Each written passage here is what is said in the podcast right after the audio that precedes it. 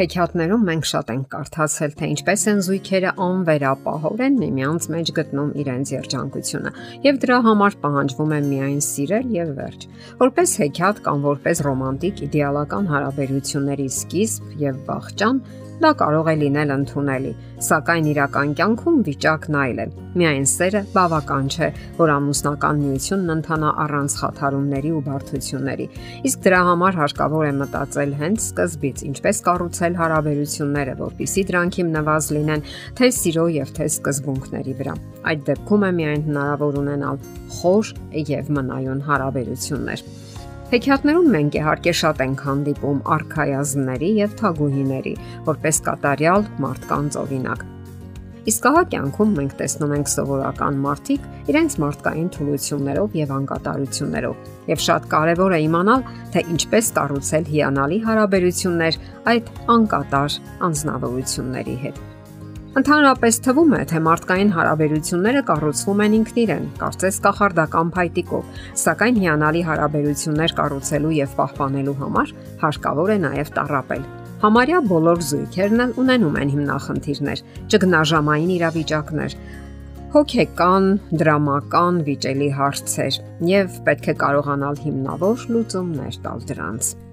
Նախ հարկավոր է հիշել, որ վեճերը չեն նշանակում հարաբերությունների ավարտ։ Երբեմն դրանք այն ուղենիշներն են, որոնք տանում են երջանիկ հարաբերության եւ երջանիկ ժամանակաշրջանի։ Եթե յուրաքանչյուր տարաձայնություն ավարտվեր ամուսնալուծությամբ, ապա մարդկությունը երբեք առաջ չէր ընթանա։ Երբ վեճերը հարթվում են, լուծվում են կողմերի միմյանց ներելով, Դրանից հետո զույգը ավելի խոր է զգում կապվածությունը եւ ներման ու ներողամտության կարեւորությունը։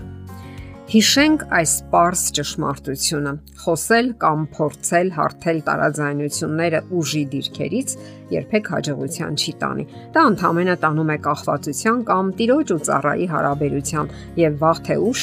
ավարտվելու է։ Երջանիկ զույգերի հետ հարցումները ցույց են տվել, որ նրանք հավատացել են, որ ամեն ինչ լավ է լինելու, որ վեճերին հաջորդելու է խաղաղությունը, այնպես ինչպես ամպրոպին ու անձրևին հաջորդում է պայծառ ծիածանը։ Նրանք կտրուկ եւ անմտածված քայլեր չեն արել, հապշտապ որոշումներ չեն կայացրել եւ ջանք են թափել հարթելու հիմնախնդիրները, որքան էլ որ դրանք բարդ լինեն։ Իսկ ընդհանուր առմամբ մասնագետները խորհուրդ են տալիս հաջորդականությամբ կատարել որոշակի քայլեր։ Դրանցից առաջինն է. Հասկացեք, թե հարաբերությունների որ փուլում եք գտնվում այս պահին։ Հարաբերությունները կարծես կենթանի օրգանիզմ են, որը մշտապես աճում ու զարգանում է, փոխում է ձևերը։ Այդ փուլերը իրենց մեջ ներառում են որոշակի աստիճաններ։ Սիրահարվածություն։ Այս ընթացքում ուղեղն այնպես է հագեցած դոֆամինով, որ մթերքներ գնելու համար համատեղ խանութ գնալը նմանվում է Կարիբյան կղզիների ծովային ճանապարհորդության։ Պատրանքների կորուստ Դուք սկսում եք հարցեր տալ. Միգուցե դադարել եք սիրել ձեր դիմացինին։ Այդ ժամանակաշրջանում դոֆամինի կորուստը վերականգնելու համար ոմանք սկսում են ուշադրության պակասը լրացնել այլ հարաբերություններում։ Լիակատար մերժում։ Ձեր դիմացի անznավորությունը հիասթափությունից բացի այլ զգացում չի առաջացնում։ Եվ վերջապես սեր, Եթե գիտակցեք ճգնաժամը եւ արժանապատվորեն հաղթահարեք այն, դրան կհետևի ավելի խոր զգացմունք եւ հարաբերություններ։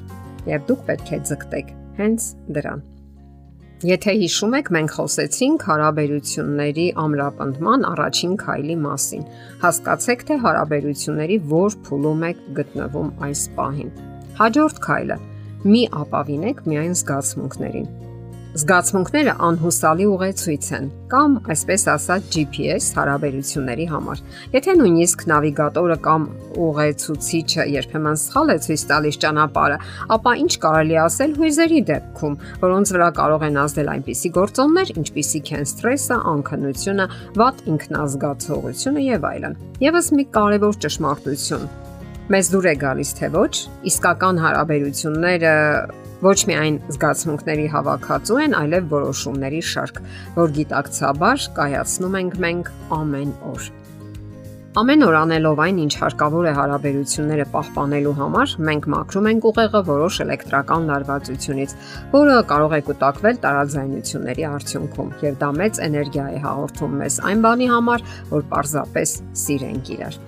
Հարաբերությունները պահպանելու հաջորդ քայլը՝ մի խուսափեք հակամարտություններից եւ բախումից։ Այսպիսի արտահայտություն կա. Ոսկին գետի հատակում է, սակայն ոչ ոք չի տեսնում այն Նույնը կարելի ասել վեճերի ու տարաձայնությունների մասին։ Թող դրանք չվախեցնեն ձեզ։ Այդ դեպքում վախի զգացումը կարող է կեղծ ուղիով տանել ձեզ։ Վեճերից բոլորովին խուսափելը շատ գայթակղիչ է թվում, կամ ընդհակառակը, դուք ցանկանում եք ճնշել դիմացինին, հասնել այն բանին, որ ամեն ինչ լինի այնպես, ինչպես դուք եք ցանկանում, սակայն բախումը ձեզ տանում է այն կետին, որտեղ դուք կարող եք մեծահոգություն, ներողամտություն եւ հարգանք դրսևորել դիմացինի հանդեպ։ Ահա Այստեղ են վեճերից ծնվում ավելի խոր հարաբերություններ, ավելի խոր սեր, ինչպես նաև ծնվում են ձեր ընտանեկան ընդհանուր օրենքները։ Թեև ուրիշ ընտանիքներ կարող են ունենալ այլ կանոններ, այլ օրենքներ, սակայն թող ձեր ընտանիքում իշխի հետևյալ կանոնը՝ երբեք չսկսել վիճել Եթե ձեզանից մեկը քաղցած է կամ հոգնած, դիտողություն չանել ղեկի մոտ նստած մարդուն, չհիշել անցյալը եւ չանցնել անznական սահմաններ։ Սակայն այս քայլերը դեռևս ամենը չեն։ Մնացած քայլերի ու կանոնների մասին կխոսենք մեր հաջորդ հաղորդման ժամանակ։ Եթերում է ճանապար երկուսով հաղորդաշարը։ Հարցերի եւ առաջարկությունների համար զանգահարել 033 87 87 87 հեռախոսահամարով։